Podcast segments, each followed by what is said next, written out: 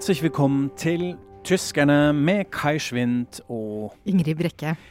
episode 50! Hurra! Uh, hurra, sier jeg på tysk.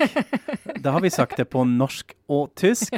Hurra. Hurra, hurra. hurra, hurra. 50 episoder, to år. Ja, det er fantastisk. Nesten ja, to år. eh, Over to år siden begynte vi Mhm. med denne podkasten. Herregud. Ja, hvem skulle trodd det? Ja, hvem skulle tro det. Så dette her er en litt uh, spesiell episode hvor vi feirer oss selv. Mm -hmm. uh, og prøver å se litt tilbake, hvordan det har vært. Uh, vi har jo også fått en del innspill fra dere, hva dere vil at vi skal snakke om i denne episoden. Spørsmål om oss eller ulike tema. Da har vi tatt et lite utvalg, fordi vi fikk masse. eh, og det har vi ikke plass til i én episode her, men litt har vi valgt ut. Kanskje se litt fremover òg. Ja, men det er, litt, eh, det er litt vanskelig å begynne. Hvor skal vi begynne? Kanskje Hvorfor, hvorfor lagde vi denne podkasten, egentlig? Uh, hvordan begynte det hele? Det var jo egentlig? fordi vi var så glad i å sitte og skravle sammen på kafé, og vi syntes vi hadde så utrolig mye klokt å si. Så hvorfor ikke dele dette med verden? Ja, det, er sånn- ja, jeg hadde sagt det litt mer diplomatisk, ja, okay. men det, det er jo helt sant. Vi ble jo kjent Det har vi jo undersøkt nylig, i 2013. eh, fordi du intervjua meg i forbindelse med en sak i Aftenposten om humor. Ja, Tysk hva ler folk av i hele verden? Ja, ikke sant? Og hvor Tyskland var det ene. Ja. Mm. Og så hadde jeg Da var jeg fortsatt stipendiat eh, på UiO og var midt inne i humorforskningsprosjektet mitt. Og da eh, møttes vi på Kaffe Liebling på Ja. Grünerløkka mm -hmm. uh, og snakket. Og kanskje litt lengre enn vi hadde Ja, og så sa, det husker jeg veldig godt, for du sa nemlig veldig tidlig i samtalen La oss ta det der med krigen først nå. og så snakka vi litt om krigen. Ja. Så det første vi snakket om, var selvfølgelig Ja. Det var krig. veldig. Mm. Nei, men Jeg husker det også at jeg tenkte herregud, dette var spennende. Og så visste jeg hvem du var. Jeg visste jo at du hadde skrevet masse om Tyskland, og jeg hadde lest det i Aftenposten og sånn. Tenkte ja, så stas hun, hun Ingrid Brekke skal snakke med meg. Det blir jo kult. Ja, og så har vi da egentlig Ja, og så var det jo sånn at vi skulle egentlig teste ulike restauranter. I Oslo. Det var et sånt prosjekt. Vi sa vi kan Ja, møtes mm, og spise på ulike steder. Ja, ja, for det, vi er jo også glad i mat. ja. Vi er veldig glad i mat, ja. Eh, så ble det til en sånn eh, sak, eh, og da oppdager vi ok, vi, det er virkelig litt gøy at vi har som, altså, måten vi snakker om dette, eh, både at jeg har nå bodd her en stund, og du har bodd i Tyskland, og at vi har litt sånn ulike innfallsvinkler, og du har det hovedsakelig politisk interesse, og jeg kommer litt mer fra kulturbiten, og at dette egentlig passer ganske bra sammen Mm. å kartlegge det rare landet. uh, og så har alle en podkast, og så tenkte vi vi må også ha en podkast. ja, det må vi. Ikke sant? Og så, så var vi i gang. Ja. Plutselig begynte vi Ja. å, å, å lage dette. Ja. Og det, vi har ikke slutta ennå, og det skal vi ikke. Eh, det er sikkert litt vanskelig, men har du en sånn highlight? Har du noe spesielt du likte veldig godt? Julebordet vårt, da. Apropos spise. Ja, den var Apropos litt, spise, vi eh, hadde et fantastisk julebord. Ja. Så nei, ellers så må jeg jo si at det, det er klart at uh, dette å, å være live i, i Frankfurt var jo, på bokmessa i Frankfurt var jo, helt, var jo en helt fantastisk opplevelse. Ja. Absolutt. Så, uh, så det var veldig gøy. Ja, hvor vi gjorde det hele på tysk. Mm. uh, under bokmessen, det er sant. Jeg, jeg har også de live-podkastene vi hadde her i Norge, Ja. Eh, som absolutte highlights. Altså på Litteraturhuset i fjor om 9. november, eller også under litteraturfestivalen. Bare det å sitte på en scene og snakke sammen. Og så se at Å møte lytterne. Ja, Det det er jo er, det som er. Mm. At man, at man ser, og de tilbakemeldingene vi får, at folk følger med, og at man da møter folk. Og det som jeg selv har med podkaster, at det er et sånn ganske sånn intimt medium. At du har disse stemmene med deg hele tida, og du tror du, du kjenner dem personlig. Og møter lytterne som har, ser litt sånn rart på oss, fordi de vet ikke helt hvordan vi ser ut, men de hører bare stemmene våre. Eh, ja, det er helt sant. Og så selvfølgelig alle de gjestene vi hadde. Det, vi hadde jo eh, mange gjester, og det syns jeg også alltid er veldig gøy. At Ja. vi har en annen person her inne og snakker om Tyskland og Norge og Tyskland på, på ulike måter. Veldig stas. Det skal vi fortsette med. Tja um, Skal vi se litt på disse spørsmålene vi fikk? Ja. Eller de ønskene ja. som dere har sendt til oss. Hva dere vil vi skal prate om. En ting som faktisk flere har nevnt, var dette med dobbelt statsborgerskap. Norsk og tysk statsborgerskap. Hvordan er dette nå? Hvordan funker uh, dette nå? Og da kan man jo si, eller jeg kan jo si, at jeg har nå faktisk på alvor tenkt på dette. Jeg har bodd i Norge i over ti år. Og tenker nå om det er kanskje lurt å få meg norsk statsborgerskap. Da kan vi jo si at Grunnen til at dette kommer opp nå, er jo fordi Norge har kommet med en ny altså De har nå åpna opp for dobbelt statsborgerskap. Det er lov eh, fra norsk side. da, så Derfor så har jo det blitt aktuelt kanskje å tenke på for sånne som deg da, Kai. Ja, absolutt. Og så er det jo eh, sånn sett lett uh, for EU-land og Sveits å ha dobbelt statsborgerskap, men ikke nødvendigvis for Norge. I ty ja, mm, I, altså når man er ja. tysk statsborger. men nå må man da Altså, nå kan man dette. men det er ikke så lett. Jeg har prøvd å sette meg litt inn i prosessen. Det første når man søker norsk statsborgerskap, at man må jeg vet ikke hvordan man skal si det, en fylleyte eller søke en såkalt beibehaltsgenehmigung. Altså hvor man da skal forklare hvorfor man skal beholde den tyske Ja, fordi men det er jo en søknad som går da til Tyskland. Ja, ikke sant? Altså fordi, at, ja. mm -hmm. fordi Tyskland tillater bare ett statsborgerskap. Riktig. Så hvis du får norsk statsborgerskap, så mister du ditt tyske automatisk hvis du ikke har fått innvilga denne side en gang til. Beibehaltungsgenehmigung. Og da må man begrunne hvorfor man opp, vil opprettholde et slags forhold med Tyskland, og da vi vil ha tysk uh, pass. Uh, og det er litt interessant, fordi det er en slags individuell vurdering. Dette ble sendt inn og vurdert case by case. Så man kan også få avslag på dette. Mm. Mm. Så man må nok ha gode grunner, bokstavelig, for å uh, gjøre det. Og så går dette vanligvis via det såkalte Bundesverwaltungsamt. Altså fantastisk tysk ord. Mm. Jeg orker ikke å oversette det engang. Det er litt sånn uh, tysk byråkrati. Uh, Bundesverwaltungsamt. Men i Norge så gjør man det via ambassaden. Altså Du kan gjøre det her. Du kan stille, altså, sende søknad til den tyske ambassaden i Norge, og så prosesses det derfra. Og så kan det ta litt tid. Det ja, ta 14 måneder, det er det ja, de sier nå? Tror de at det tar 14 ja. måneder. Mm -hmm. Så det kan gå fortere, men uh, også og Hvis lengre. du da får aksept for dette, ja. da kan du søke norsk statsborgerskap og da kan du beholde begge to. Riktig. Og det er jo en separat prosess, det å søke den norske som sånn, sånn sett ikke har noe å gjøre med det, men du må på en måte ha det i boks først. Mm. At du har blitt godkjent for å beholde tyske passet. Ja, for jeg ble ganske, når jeg prøvde å finne ut av dette, uh, så ble jeg ganske uh, forvirra, må jeg si. Og det var jo fordi at jeg det er kanskje litt, Hvis man i utgangspunktet da er tysk og bor i Norge og begynner å undersøke, så er det kanskje litt mer opplagt å skjønne hva som foregår. Men jeg tenkte hele tida på at jeg som norsk hvis jeg skulle søke tysk statsborgerskap. Ja. Og det var mye vanskeligere å finne ut av. For det er jo ikke det at det har kommet en ny avtale eller noe sånt. Nei, ja. Det eneste som har skjedd, er at Norge har forandra sine regler. Riktig. Så reglene i Tyskland er det samme. Sånn at hvis jeg hadde da, jeg som er norsk statsborger, hadde bodd i Tyskland nå i mange år og ville søke tysk statsborgerskap, så ville det være akkurat som før. Og det er sånn at eh, da vil jeg miste mitt norske. Mm -hmm. For det er bare altså EU-borgere og sveitsere ja. de kan ha dobbelt statsborgerskap. Det er tillatt eh, fra tysk side. Og så finnes det en masse andre land men det er liksom en annen sak, for det handler om at um, f.eks. Iran og sånn, som mm -hmm. sier at du, du, må være iransk statsborger hele livet ditt. Det er ikke noe du kan si fra deg. Ja. Da gjør man også unntak, da. Ja.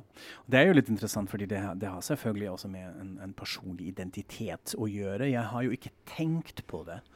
uh, før egentlig ganske nylig, og, og, hvorvidt dette er aktuelt. Jeg var alltid veldig sånn stolt av at jeg har tysk pass, og det er et EU-pass, og det vil jeg selvfølgelig beholde og aldri gi fra meg. Og, så min identitet var det, men nå har jeg bodd her som sagt over ti år. Og har liv her, og jobb her, og samboer, og er liksom godt forplantet i, i Norge. At jeg, at jeg, nå tenker at det egentlig også det gir mening. Men du kunne ikke tenke deg å si fra deg det tyske og bare ha norsk? Nei, nei det er det. Det, det, det er merkelig. Mm. Altså, man er litt uh, det, Ja, nei. Det er ærlige svaret er nei. Jeg kan ikke tenke meg å gi det bort fra meg.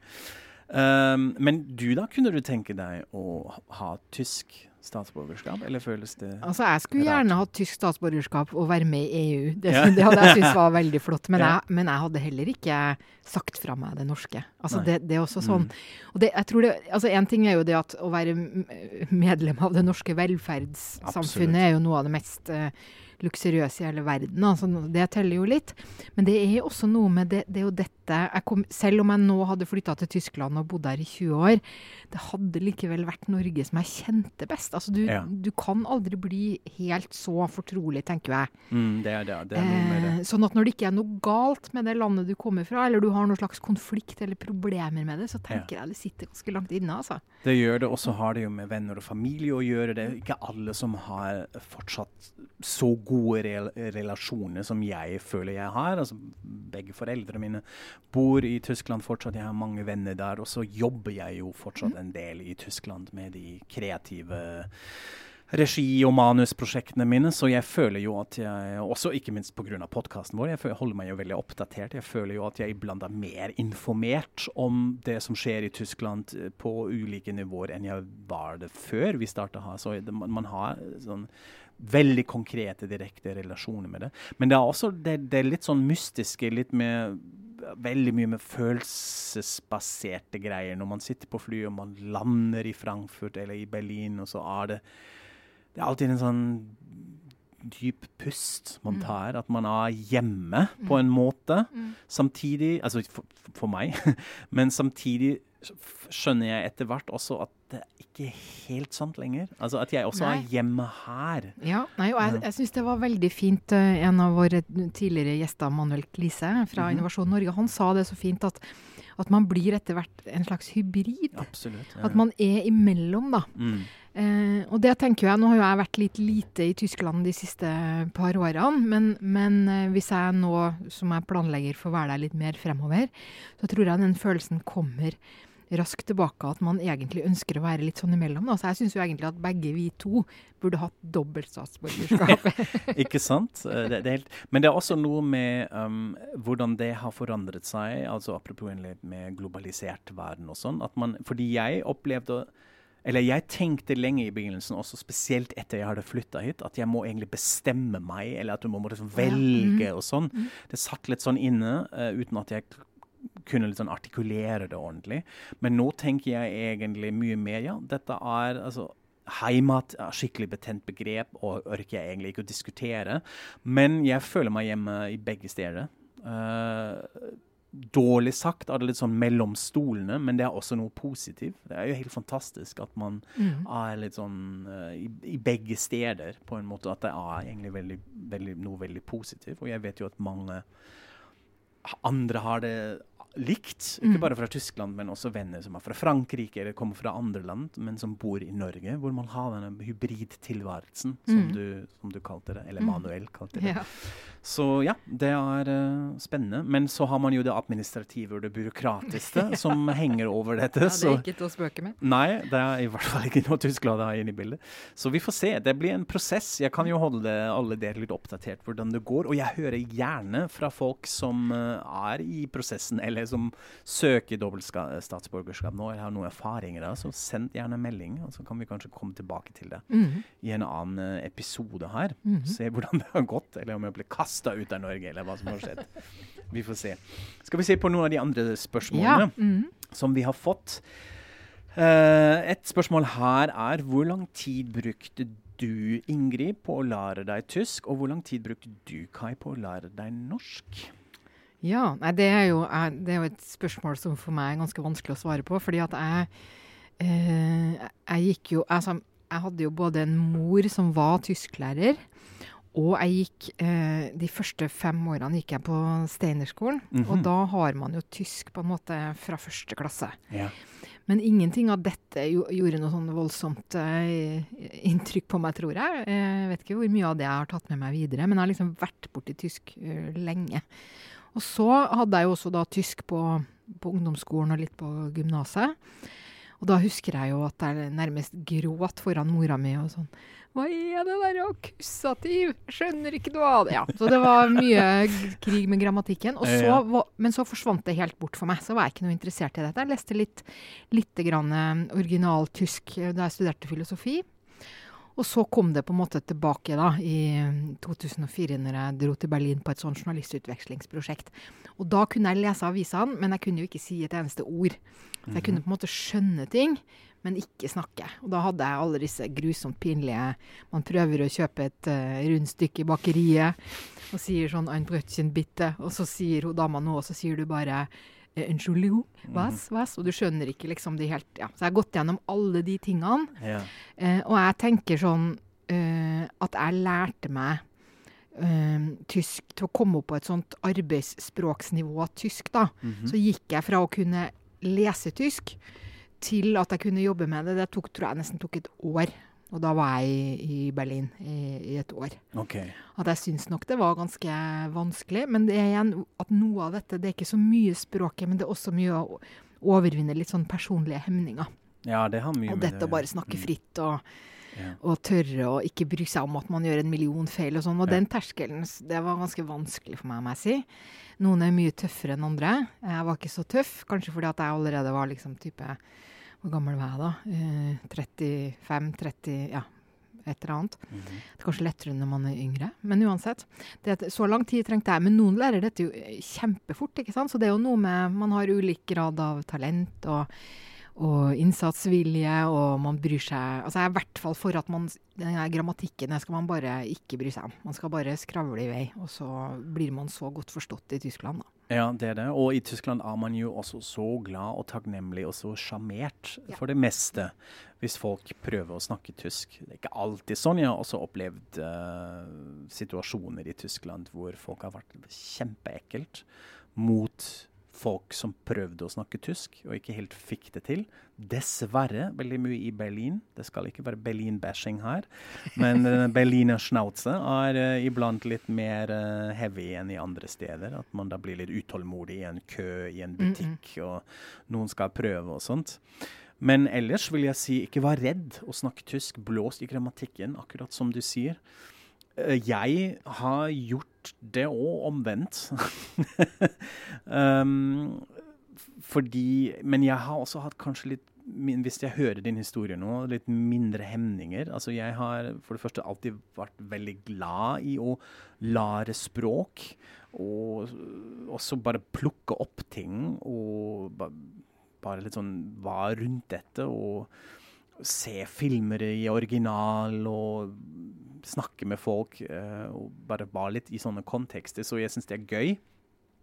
Men jeg tenkte også, når jeg kom hit Jeg vil både gjøre det ordentlig, det var det ene, ved å gå på språkkurset på voksenlæring på Rosenhoff i Oslo, som jeg meldte meg på. eh, hvor det var rett og slett eh, skole eh, hver dag i uka, med lekser osv. Og, og man sitter i en klasse med andre utenlendinger. Det er jo litt interessant hvordan dette er sammensatt. De, de passer jo litt på at man kommer stort sett fra samme bakgrunn, i anførselstegn, og da mener man litt sånn kulturell. Eh, fordi det finnes jo ulike behov når man skal lære eh, norsk. Eh, det er andre klasser hvor det var litt mer basic, og hvor man hadde folk som kanskje hadde en litt sånn annen bakgrunn, men jeg var jo sammen med andre europeere og amerikanere og sånt. Så det var veldig morsomt å, å være i den klassen og komme litt sånn tilbake til sånn ungdomsskolefølelser. At man plutselig sitter sammen. og- Men hvor, mange, hvor lang tid tok det, da? Altså Ja. hvor mange måneder, eller? ja, altså det var nesten et halvt år som jeg Ja. var i den klassen, men jeg hadde en sånn aha-opplevelse kanskje etter tre måneder, hvor jeg satt på T-banen i Oslo, og det var to damer ved siden av meg som pratet, og jeg skjønte alt de sa. Jeg forsto hvert eneste ord. Hvor jeg tenkte for første gang OK, nå, jeg, nå kan jeg det. Altså nå klarer jeg meg så godt, eller godt nok, uh, at det funker. Men så har jeg både det litt sånn papegøyetilnærming, at jeg liker å herme. Altså det man, altså litt sånn språkøre, selvfølgelig, men at, jeg, at, det funker for meg at jeg hører hvordan andre snakker, så bare hermer jeg. Og at jeg blåser litt i det grammatiske feil og sånt. I hvert fall i begynnelsen. Ja. Det er litt annerledes nå. Det er gått gjennom ulike steg. Man begynner litt sånn uh, snakke norsk med sånn på hverdagsbasis og med partner osv. Men jeg har ikke hatt behov for å bruke det på jobb. Jeg tok jo da doktorgrad ved UiO og skrev avhandlingen min på engelsk. og sånn, og Det var mye på engelsk, og jeg trengte egentlig ikke mm. norsk i en mm. jobbkontekst, som var ganske avgjørende. Uh, men som da også førte en sånn til en sånn frustrasjon etter hvert. At, at, jeg følte at jeg var litt stakk på et visst nivå. Så begynte jeg å jobbe fast på en uh, høyskole, så begynte jeg å undervise på norsk, så jeg måtte litt sånn lære meg ting og gå et hakket opp. Uh, og da skjønte jeg ok, det kom litt mer og litt større ordforhold osv. osv. Men akkurat nå føler jeg jo at jeg er også litt stakk på et visst nivå. Jeg vet jo at jeg kan snakke norsk flytende osv., men jeg hører jo de feil jeg gjør. Og så når, jeg, når jeg hører på podkasten vår, så kan jeg bli veldig irritert over disse små feil. Og uh, plutselig og Jeg hører de selv. Liksom, hvorfor har jeg ikke klart det i alle de årene? Eller noen ord. Mm. Ikke så mye ord, men mest sånn grammatikk. Litt sånn, er det noe ett diskurs eller én diskurs, eller liksom, mm. så, sånne ting. Og da kan jeg bli veldig irritert. Mm. Men jeg, det er sikkert også utrolig spennende å høre med lytterne, hvordan de opplever dette. Altså man, eh, ja. Det er jo, syns jeg personlig, er veldig fint i Norge at man har en høy toleranse for dette. Altså man blir veldig man blir tatt veldig godt imot i Norge når man snakker norsk kommer litt an på hvilken kontekst man beveger seg i, men uh, også fordi dere, har, det, det, dere er mye mer vant til dialekter. Deres egne dialekter, og det, man er vant til å høre folk med ulike rare uttalelsesmåter og itche og itte og itch og alt det der. Så at vi, vi passer vi, vi passer, passer litt inn der, vi, vi innvandrere. litt sånn. Det føler jeg i hvert fall. Mm. Selvfølgelig har det litt å gjøre med om man har hvilket land man kommer fra, om man er hvit eller ikke, og sånne ting. Men uh, for meg har det gått veldig smooth, for ja. å bruke ja. det engelske ordet. Ja, men jeg syns det er interessant det der hvor, hva skal man slå seg til ro med, da. For det er også sånn, jeg må jo også legge til Jeg, eh, jeg har jo også tatt kurs, da. Altså, det hørtes ut som jeg var helt sånn selvlært nå, men jeg har jo eh, både tatt uh, litt på Universitetet i Oslo og på Humboldt-universitetet. Ja, okay. Språkkurs uh, i, i, nyere tid. Men, men, der det stopper litt opp for meg, det at jeg er liksom Så lenge det virker, fordi det også har vært jobben min ikke sant, å jobbe der som mhm. journalist og sånn, så har jeg jeg har liksom ikke klart å, å mobilisere den kraften og entusiasmen da, for å bli eh, sånn virkelig mye bedre språklig så lenge jeg blir forstått. Og, yeah. og ja, siden ja. tyskerne da har så De forstår jo nesten alt, så, så, er det ikke så motiverende det der å skulle bli så god. Men, men eh, altså i den forstand at jeg liksom skal gjøre det riktig. Ja, men samtidig så syns jeg det er veldig irriterende, og særlig når jeg skal skrive. Så er det sånn jeg skriver sånne ja. høflige e-poster, ikke sant, og så bare skjønner du at det er fullt av feil, og så dekker jeg meg bak en sånn til slutt uh, Uh, unnskyld, beklager at jeg ikke skriver bedre, ikke sant? Yeah. som er helt patetisk. Så uh, nå sier jeg det liksom høyt, da. At uh, no, en gang må jeg gjøre noe med dette. ja, men det, det, er helt sant, og det har jeg også på norsk. At jeg er veldig irritert over skriftlig norsk. At jeg gjør mye feil der mange feil. Det tror jeg er feil her òg. Uh, I skriftlig e-postkommunikasjon, eller når man skal skrive noe, at det trengs sånn ekstra språkvask alltid osv. Det synes jeg også, jeg tror jeg har også behov for en kurs, eller en dag må jeg liksom gå i en sånn intensivkursting for å kjøre på, fordi jeg syns også det er litt, litt Etter episode 500, okay, ja. da gjør vi det. Da gjør vi det. Vi live her i en podkast ja. tar vi den kursing. Men uh, kanskje en sånn siste ting om, om, det med norsk og tysk. Har du, når du er i Tyskland uh, i dag, fins det et område som du fortsatt syns er vanskelig? En, en kontekst som du syns er vanskelig å forstå hva folk prater om? Ja, det er jo sånn type hverdagsspråk, da. Altså hvis, okay. jeg, hvis uh, eh, en eller annen nabo plutselig bare sier noe, eller noen på bussholdeplassen eller noe sånt, og yeah. kanskje til og med snakker en eller annen litt sånn dialekt, Mhm. da kan jeg bli eh, forkjamsa fordi at jeg ikke vet eh, hva som kommer. Yeah. Eh, mens, jeg, mens nettopp fordi jeg Altså alt som er sånn nyhetsspråk og sakprosa, og hører på nye TV og radio og se, altså Alt dette går helt strålende, men plutselig når det er sånn eh, helt sånn banale ting, da. Okay. Eh, trappevask eller eh, Ja. vær eller et eller annet sånt, så kan Ja. jeg liksom Ja. Men det holder jo vanligvis heldigvis å spørre unnskyld, hva sa du nå, og så, og så går det bra, da. Men det syns jeg er det vanskeligste. Mm. Mm. OK. Spennende. Enn du? Du Eh, skjønner alt. Du skjønner jo alt, Kai. Nå har jeg stilt deg det spørsmålet, men jeg har ikke tenkt på det selv. Uh, ja, altså jeg vil si at eh, det er for det meste nå um, La oss kalle kulturelle referanser hvor jeg er helt Ja. ute. Altså Når folk begynner å snakke om en, en visesanger fra 70-tallet Pompel og pilt. For eksempel, ingen aning hva det betyr. Eh, sånne ting. Da, ve, da, da skjønner jeg ok, ja, det har jeg ikke fått med meg, Mm. sånne referanser. Også spesielt når man jobber med humor. Ja, det er jo interessant. Da har man jo av og til sånn ja, lingvistiske uh, nuanser som, hvor jeg skjønner ok, det vet jeg ikke noe hva, hva de mente. Uh, dialekter går mye bedre nå enn f.eks. sånn fem år siden, vil jeg si. Jeg er mer vant til de ulike norske dialektene, men det er jo noen hvor jeg er ute. Altså når folk begynner å kjøre på, så OK. Da må jeg også spørre eller bløffe meg gjennom samtalen. Bløff er bra. Ja, ikke sant? Og det er jo også en, en, kanskje en siste ting til, til det med språket. Det er jo veldig bra for oss tyskere at man kan, og det gjorde jeg masse i begynnelsen, at du tar det tyske ordet og bare prøver å uttale det norsk, og så har er det veldig ofte at det funker. Ja, det virker faktisk begge veier. Ikke sant? Det går denne veien òg, og det er jo vel, det er en stor fordel som vi har. Som har også et pleidoyer for å lære seg tysk, som jeg pleier å Ja. si til folk. Eh, det er ikke så vanskelig. Nei, det er jo ikke det. Det er ikke vanskelig å lære seg tysk. Det er vanskelig å bli perfekt. Det er det. Men hvem trenger det? Hvem trenger det? Drit i grammatikken. Uh, auf, über, zwischen und. Drit i preposisjoner. Uh, man, det, det går. Og så er det selvfølgelig uh, Ja, må man øve seg litt, og helst eh, reise dit. Skal vi gå videre? Vi, vi skravler i vei her, men det er jo meningen med denne episoden òg. vi har enda et, fått enda et spørsmål, eh, nemlig Det er jo litt eh, relatert, egentlig. Um, hva er ditt din yndlingsbok på norsk, Kai, og din yndlingsbok på tysk, Ingrid. Vil du begynne? Ja, da kan jeg jo begynne med å Det er litt eh, tilstå, da. Litt i samme gata som i stad. At eh, jeg leser jo fortsatt romaner. For å kose meg leser jeg jo helst på norsk, da. Så når jeg leser tyske romaner eh, for å hygge meg, så blir jeg glad når de fins eh, på norsk. Så min yndlingsbok det er da Jolit C. 'Landsbyen'. Eh, eller som den heter da på tysk 'Unterleuten'. Mhm. Eller 'Unterleuten'. En Veldig, veldig smart tittel, da, som Ja. ikke er oversettbar. Nei, ja, ja. Oversatt av Eivind Lilleskjæret. -hmm. Og det syns jeg er en fantastisk eh, roman.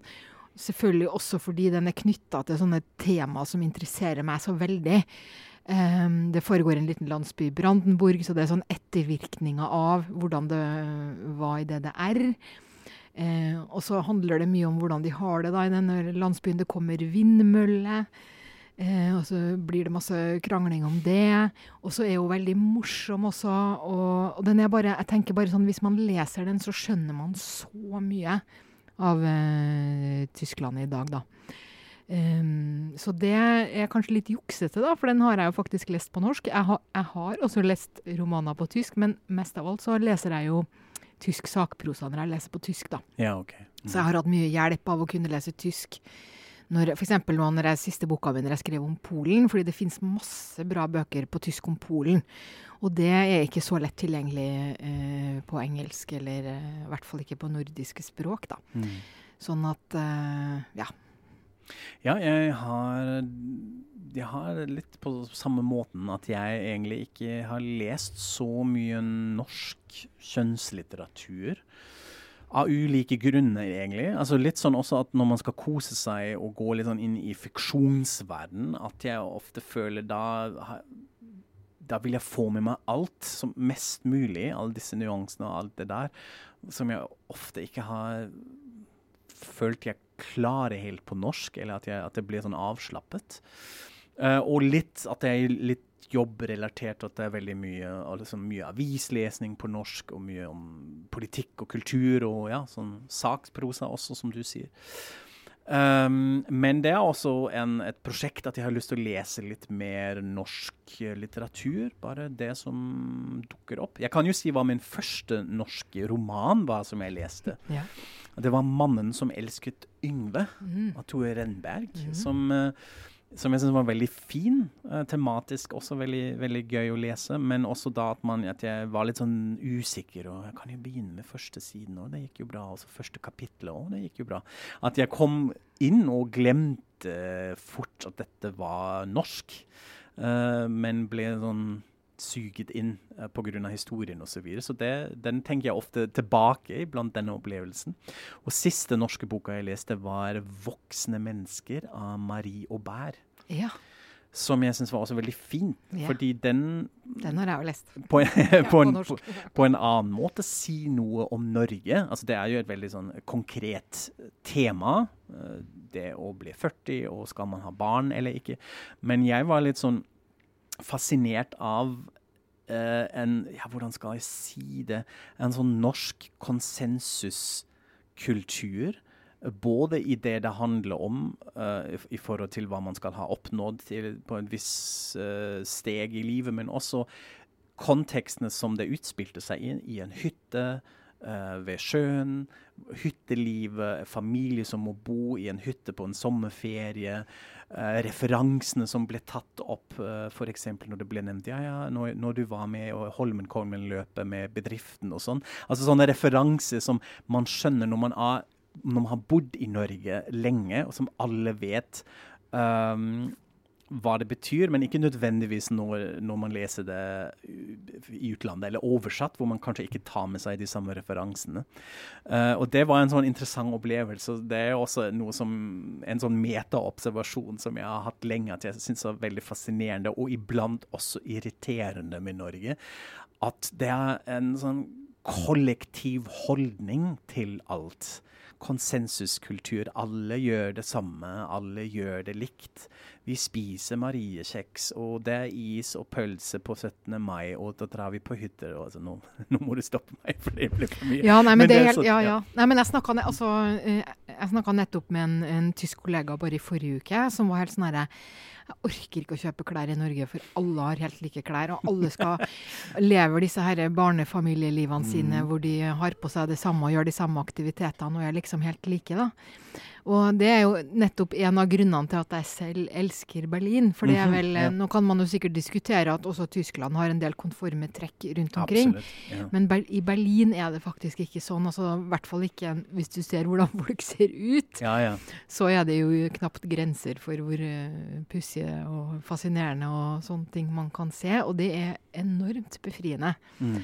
Eh, tenk, ja. mm. Men det var helt sidespor fra den eh, Nei, men, litteraturtingen. da. Men, ja. men, for når du fortalte at du hadde lest den eh, voksne mennesker, så tenkte jeg også at det vel, var vel også noe med den gleden av at du faktisk tok alle disse ja, ja, eh, Ikke sant? At å, nå vet jeg også hva Holmenkollen betyr. Ja, Hytta, alt det du har sett der. Absolutt. Vært der, Nei, at, man, at, man, kunne Jeg har jo opplevd det selv eh, en sommer på en, på en hytte, og hvordan stemningen og luktene er, og hva det betyr. å dra ut med båt og spise reker og drikke hvitvin og sånn. Altså, det er en sånn supernorsk, sanselig uh, opplevelse som, som, som jeg leste både i og mellom linjene i denne romanen, som var en utrolig morsom og fin opplevelse. At man følte seg liksom tilhørig til denne konteksten.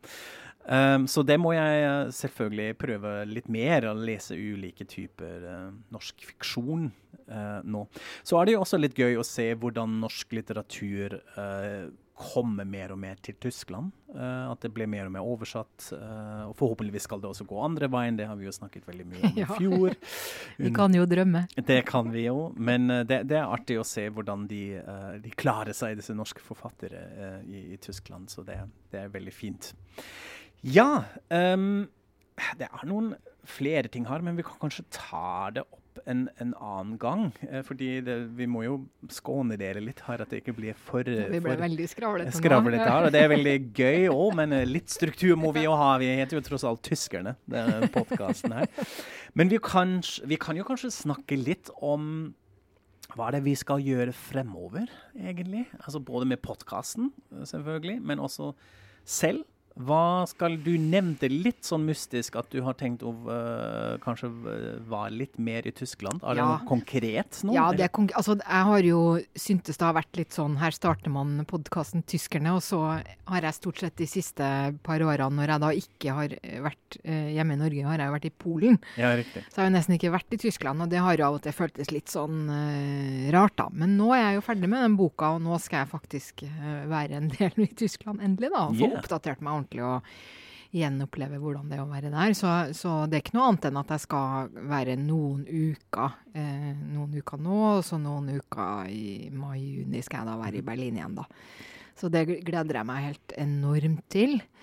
Eh, og da vil det kanskje føles litt mer sånn eh, naturlig å snakke fra innsida av Tyskland igjen, da, kan vi jo håpe. Ja. Jeg har det jo litt òg. Altså, jeg snakker jo om Tyskland først og fremst fra utsida nå også, mm. altså herfra.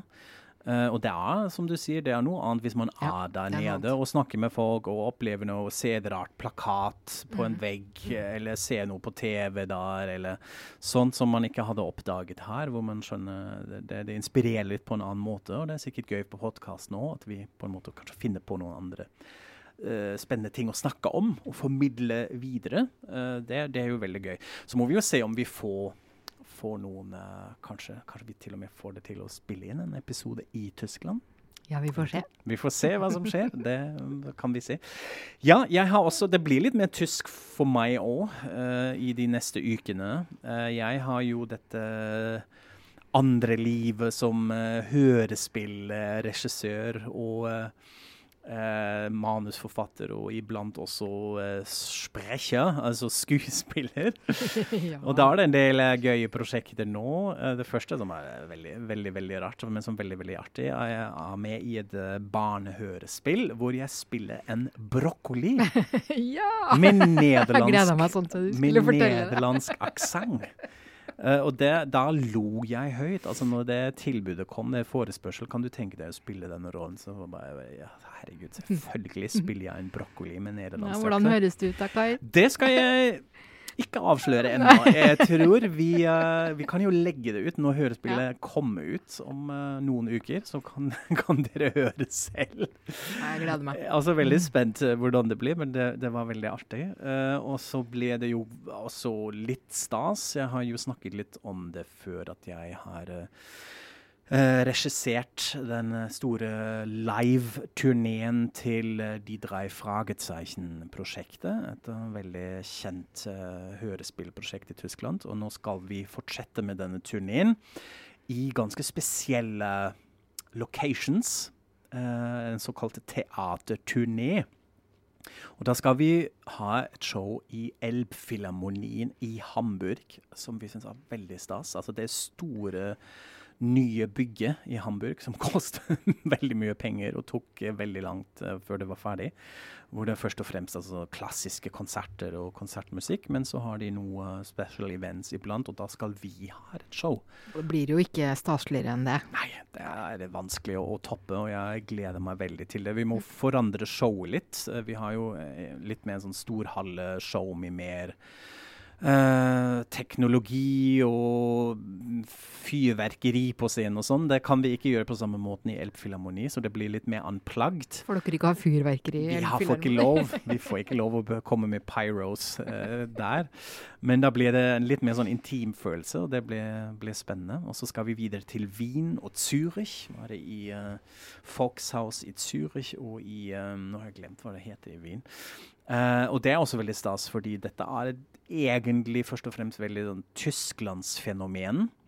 Uh, men nå er det første gang at vi tester altså det hørespillet i Østerrike og Sveits, hvor man selvfølgelig også hører på det og snakker jo tysk. Så det blir veldig spennende å se om det kommer folk. Eller vi vet jo at folk kommer, det er utsolgt.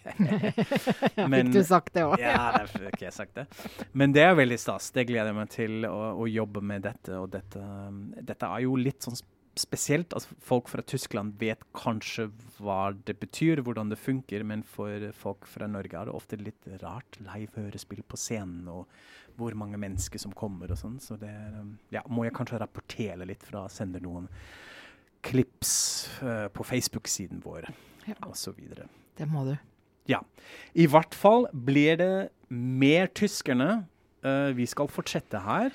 50 episoder til 100 til, to år til. Ja. ja. Vi har uh, mange ideer og uh, også gjester spennende som vi har allerede begynt å prate med om de har lyst til å være på podkast. Så det skjer mye mer, men det er jo morsomt å markere et sånn uh, jubileum og se litt tilbake og se hva vi har gjort. Så må vi også kanskje si en stor takk til alle dere som har fulgt med. Uh, hittil.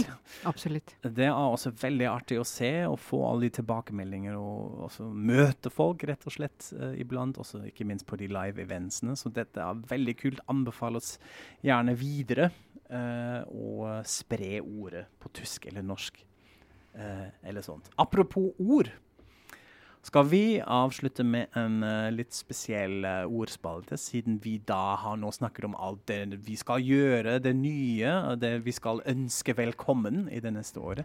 Uh, tenkte vi at vi kan snakke om noen tyske sånne hilseord.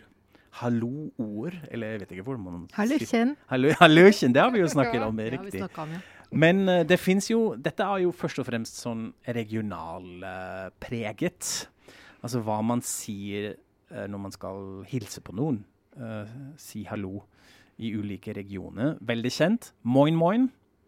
Hamburg. Riktig. Nord-Tyskland. Uh, men det er også nå blitt brukt i andre steder. Vi har fått en interessant uh, innspill fra en lytter som sa at han hadde opplevd uh, Moin Moin i en uh, reklamekampanje i Berlin til berlinske transportmyndigheter. Nei, det er BVG ja, som mm. hadde brukt Moin Moin. Og jeg har også sett i andre. altså Man mm. kan jo si Moin Moin. Det er jo morsomt. Ja, Men det at, at, det er denne gjentagelsen av liksom, Morn morgen.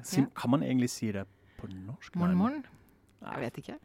Skal vi innføre det? Ja. Morgen, morgen. Morgen, morgen. OK, vi begynner med dette nå. Så dette er jo, hvis vi da går helt til sør, uh, i, i Bayern f.eks., hvor man da har et uh, gruskott altså hvor det blir litt mer katolsk preget, at man skal hilse Gud. hilse Gud betyr dette jo, Grusgodt. Uh, sånn uh, servus finnes det også, som er litt mer jovial det sier man kanskje ikke. Men sånn Betyr det både skål og hei, eller betyr det bare ja, Jeg har nemlig lurer på om jeg har hørt det som sånn ja, skål. Uh, eller er det nei, bare innbilning? Jeg tror ikke man bruker det som en skål. Det er da vel Bare blant nordmenn som ikke kan tysk. Nå, nå, nå, står det litt stille her om man kan bruke det som en skål, men jeg tror ikke det. Uh, servus det er mest en sånn hilsen, men litt mer jovial enn mm. uh, grusgodt. Mm. Uh, og, og sier det. Så har man jo hjemmelandet mitt, altså, eller hjemmebyen, men Frankfurt i hvert fall, Hessesjø, hvor man sier 'ei gode'. Som er mer sånn eh, altså direkte oversatt 'hei going', 'hei du goder', eller noe oh, sånt. Men det var koselig. Det er litt, litt, litt koselig. Man skriver med to o-er, u-er. 'Ei gode', eller 'ei gode vi'. Hvordan har du det? Altså, oh, ja. Hvordan går det med deg, -hmm. din gode? Funker ikke helt. Det er kanskje litt mer Blir mer og mer uh, en sånn generasjonsavhengig ting. Det er ikke så mange unge mennesker som sier 'ei gode'.